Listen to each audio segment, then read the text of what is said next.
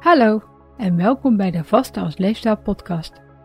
Mijn naam is Amanda Kortman, ik ben gewichtsconsulent en omdat er zoveel slechte informatie over vasten verspreid wordt, hoop ik het met deze podcast zo te verduidelijken dat voor iedereen kan werken. Je vast al wanneer je langer dan 12 uur niks neemt wat vaste stopt, dus is makkelijker dan je denkt.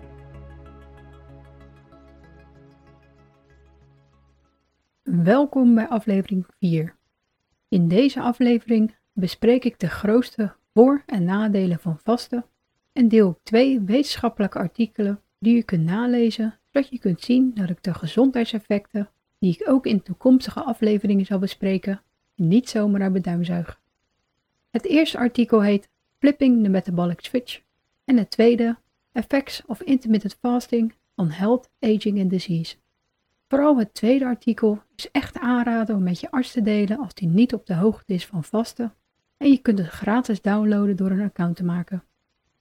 Het eerste voordeel waar je bij vasten waarschijnlijk aan zult denken is gewichtsverlies.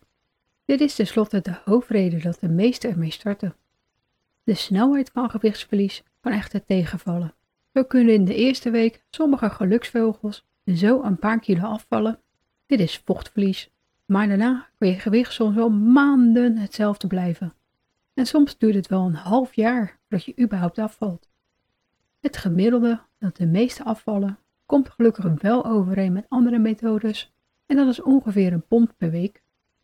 Vasten is echter makkelijker vol te houden aangezien je alleen de uren dat je eet beperkt en omdat je hongerhormonen weer terug in balans komen.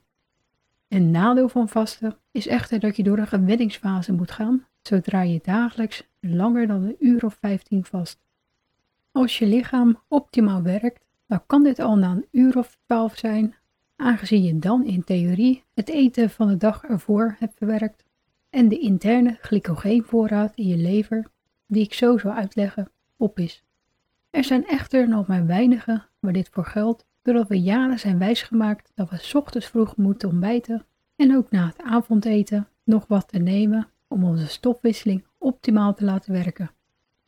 Wanneer je door de gewenningsfase, ook wel bekend als overgangsfase, gaat, is heel erg persoonlijk. Deze gewenningsfase is waarschijnlijk de hoofdreden dat veel mensen binnen een maand en soms zelfs week stoppen met vasten. Tijdens de gewenningsfase wordt het vasten namelijk tijdelijk moeilijker en je kunt er zelfs door aankomen, omdat je extreme honger kan krijgen.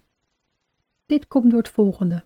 Als je dagelijks langer dan een uur of 15 vast, dan raakt de reserve glycogeenvoorraad die ik net noemde en die ook wel bekend staat als de glucosevoorraad of suikervoorraad in je lever langzaam maar zeker steeds eerder op. Deze wordt telkens weer deels aangevuld tijdens je eettijd, maar niet volledig, zodat je in een kortere tijd minder zal eten. Koolhydraatarm eten helpt dit, dus dit kan een tijdelijke aanrader zijn. Glucose, oftewel glycogeen, wordt namelijk vooral uit koolhydraten gemaakt. Zodra de glycogeenvoorraad op is en doordat je lichaam verleerd heeft om over te schakelen naar je lichaamsvetvoorraad, gaat je lichaam als ware tegensputteren en sterke hongersignalen geven. Mensen die zeer koolhydraatarm zijn gaan eten, zullen dit misschien herkennen als de zogenaamde ketogriep en de symptomen kunnen vergelijkbaar zijn. Hieronder vallen onder andere hoofdpijn, slechte concentratie, slaapproblemen, darmproblemen, extreme honger en misselijkheid.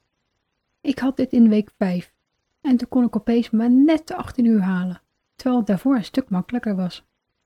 Na een uur of 16 werd het moeilijk en moest ik echt alle tips die ik in aflevering 7 zal delen toepassen om het vol te houden. De extreme honger had ik gelukkig niet, maar ik denk dat het scheelt dat ik al jaren gezond eet. Bij mij duurde de gewenningsfase een dag of vier en toen ging alles opeens weer makkelijker. Het duurt zelden langer dan een week, dus geef het niet op als je er last van krijgt. Ik was koppig en wist wat de gewenningsfase kon inhouden, dus ik heb doorgezet, hoewel ik wel twee dagen paracetamol heb geslikt voor de hoofdpijn. Na die paar moeilijke dagen had mijn lichaam gelukkig weer geleerd hoe het mijn lichaamsvet efficiënt voor energie kon verbranden en dat vond ik het ongemak wel waard. Dit wisselen van brandstof noemen ze in ketose gaan en staat in het Engels ook wel bekend als flipping the metabolic switch, wat grof vertaald het omhalen van de metabole schakelaar betekent. Ik voel nog steeds wanneer ik in ketose ga. Dit is na 10 maanden rond de uur of 14, 15 en is onder andere afhankelijk van wat ik de vorige dag heb gegeten. Ik heb dan even een hongergevoel, wat binnen een kwartiertje weer wegtrekt en dan heb ik er geen last meer van.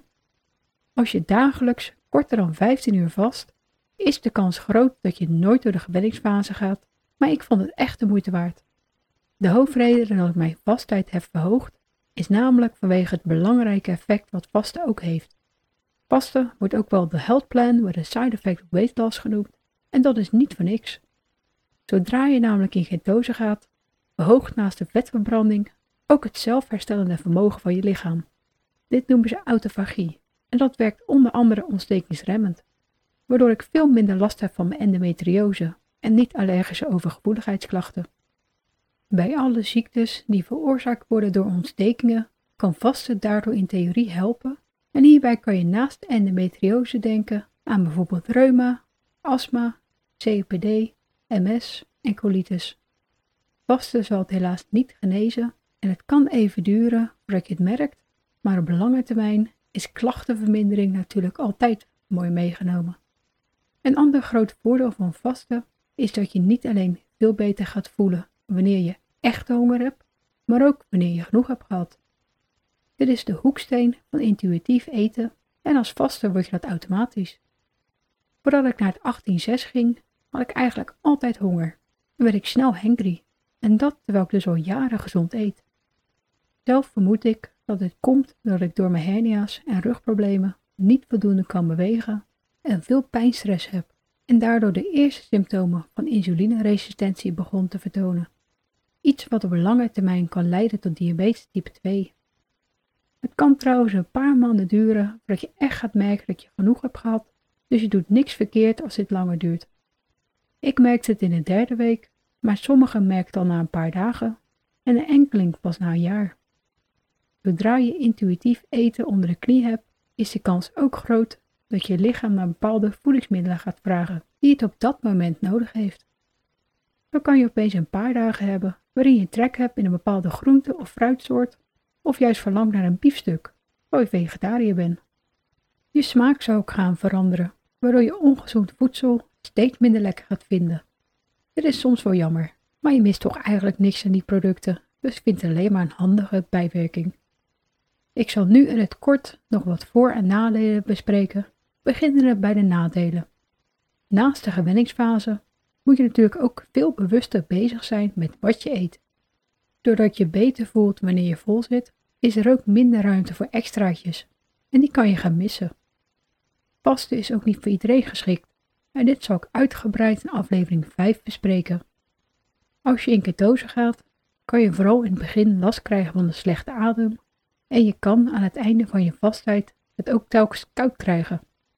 Iedereen die afvalt, zal natuurlijk eerder koud gaan krijgen doordat ons lichaamsvet een uitstekende isolatielaag is.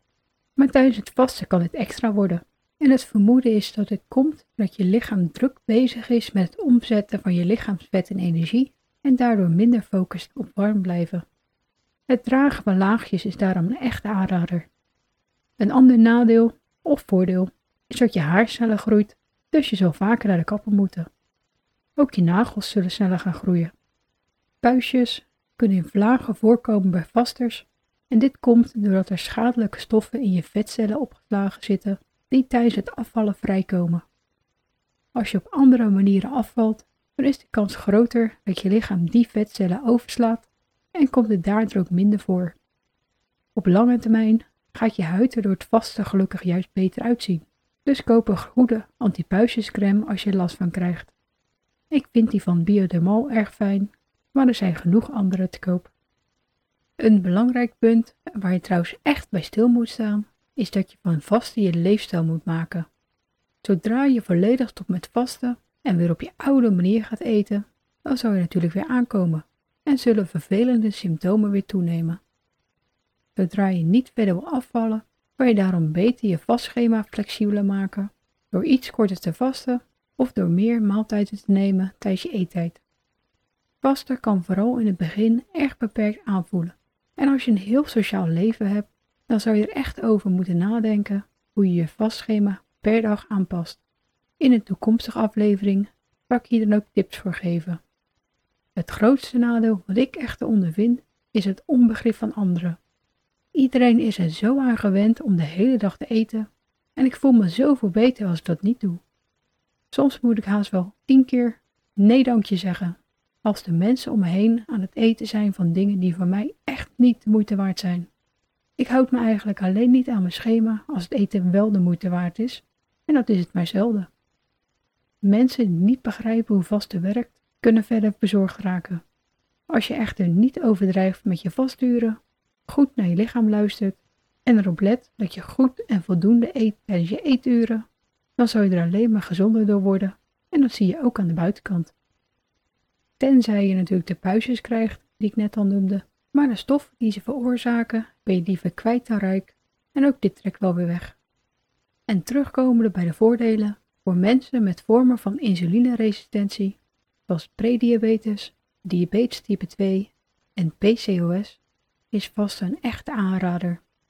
Koolhydraatarm eten werkt hier vaak goed bij, maar vasten werkt nog beter, zodat je langer echt niks binnenkrijgt wat de aanmaak van insuline stimuleert.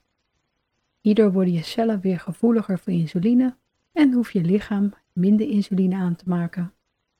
Als je last hebt van zware insulineresistentie, kan het trouwens langer duren dat het vasten makkelijker gaat. Dus houd hier rekening mee en vertrouw erin dat goed vasten van alles en nog wat aan het repareren en opnieuw balanceren is. En dit heeft helaas tijd nodig. Waarden die te maken hebben met hart- en vaatziekten, zoals een hoge bloeddruk en een verhoogd cholesterol, verbeteren hierdoor ook. Net als bijvoorbeeld schildklierwaarden bij een te trage schildklier. Dus het is belangrijk om vasten altijd met je arts te bespreken als je medicatie neemt. Veel vasters kunnen met de medicatie minderen of zelfs stoppen. En dat kan je natuurlijk het beste alleen onder begeleiding van je arts doen. Heb je darmproblemen? Daar helpt vasten ook bij, zodat je darmen lange rust hebben. Uit onderzoek blijkt zelfs dat daardoor de goede darmbacteriën toenemen, maar dat bespreek ik in een toekomstige aflevering. Andere voordelen die velen ervaren is dat ze geen energiedipjes meer krijgen, of misschien de overschakeling naar je lichaamsvetverbranding na en het sowieso hebben van meer energie. Ook merken vasters dat ze makkelijker spieren aanmaken en minder hoeven te trainen voor hetzelfde resultaat. En ook dit bespreek ik in een toekomstige aflevering. Praktisch gezien vind ik vasten ook erg handig. Zo hoef ik ochtends mijn ontbijt niet meer klaar te maken. En als we weggaan, kan ik makkelijk wachten met eten zodat het uitkomt. En hoef ik geen tussendoortjes meer in mijn tas te stoppen voor het geval dat ik hangry word. Uit dierstudies blijkt verder dat vasten zou kunnen helpen bij het voorkomen of in ieder geval uitstellen van ziektes zoals Alzheimer en Parkinson en bij glucose, oftewel suikergevoelige kankersoorten. Bij mensenstudies zien ze ook al positieve resultaten, maar hier zijn er natuurlijk een stuk minder van gedaan, aangezien het erg duur en lastig is om mensen voor langere tijd te bestuderen. Vooral als je zeker wil weten dat ze de gegeven instructies volgen. Vasten is hiernaast gratis, dus het is niet interessant om er echt veel onderzoek naar te doen, tenzij ze natuurlijk een medicijn kunnen uitvinden wat vergelijkbare voordelen geeft. Veel van de negatieve onderzoeken worden dan ook gesponsord door de voedingsindustrie, die natuurlijk liever willen dat we juist vaker eten. Dus kijk bij wetenschappelijke artikelen altijd naar door wie ze betaald werden. De onderzoeken naar vasten staan helaas nog in de kinderschoenen en het is natuurlijk geen wondermiddel. Maar de resultaten zijn erg veelbelovend en steeds meer artsen zijn er dan ook voorzichtig mee aan het experimenteren. Zo zijn een aantal ziekenhuizen aan het onderzoeken of het combineren van vasten en chemotherapie voor betere resultaten zorgt. En hetzelfde geldt voor vasten bij kinderen en volwassenen die op de intensive care liggen. Ik hoop dan ook dat je vasten niet als dieethype ziet, maar als de basis van een gezonde leefstijl waarmee je andere belangrijke leefstijlaspecten, die ik in toekomstige afleveringen zal bespreken, ook makkelijker kunt verbeteren. Laat de nadelen je dan ook niet ontmoedigen om te gaan vasten, want het is echt de moeite waard en de meeste zijn maar tijdelijk. Ik benoem ze dan ook om je erop voor te bereiden, zodat je het niet te snel opgeeft. Als ik de mogelijke nadelen niet van tevoren had geweten, dan had ik het 18.6 rond week 5 opgegeven en nu niet genoten van de vele voordelen die het me geeft. Ik voel me een stuk beter, ondanks alles waar ik last van heb. Ik heb mijn medicatie aanzienlijk kunnen verminderen en ik hoef niet meer bang te zijn dat ik in de toekomst uit mijn rolstoel groei. Vasten is op lange termijn een simpele en flexibele leefstijl die je niet alleen helpt om makkelijk op gewicht te blijven, maar ook de kans verhoogt dat je gezonder en met minder pillen oud wordt. In aflevering 5 ga ik het hebben over iedereen waarbij langer dan 14 uur per dag vasten voor nu afgeraden wordt.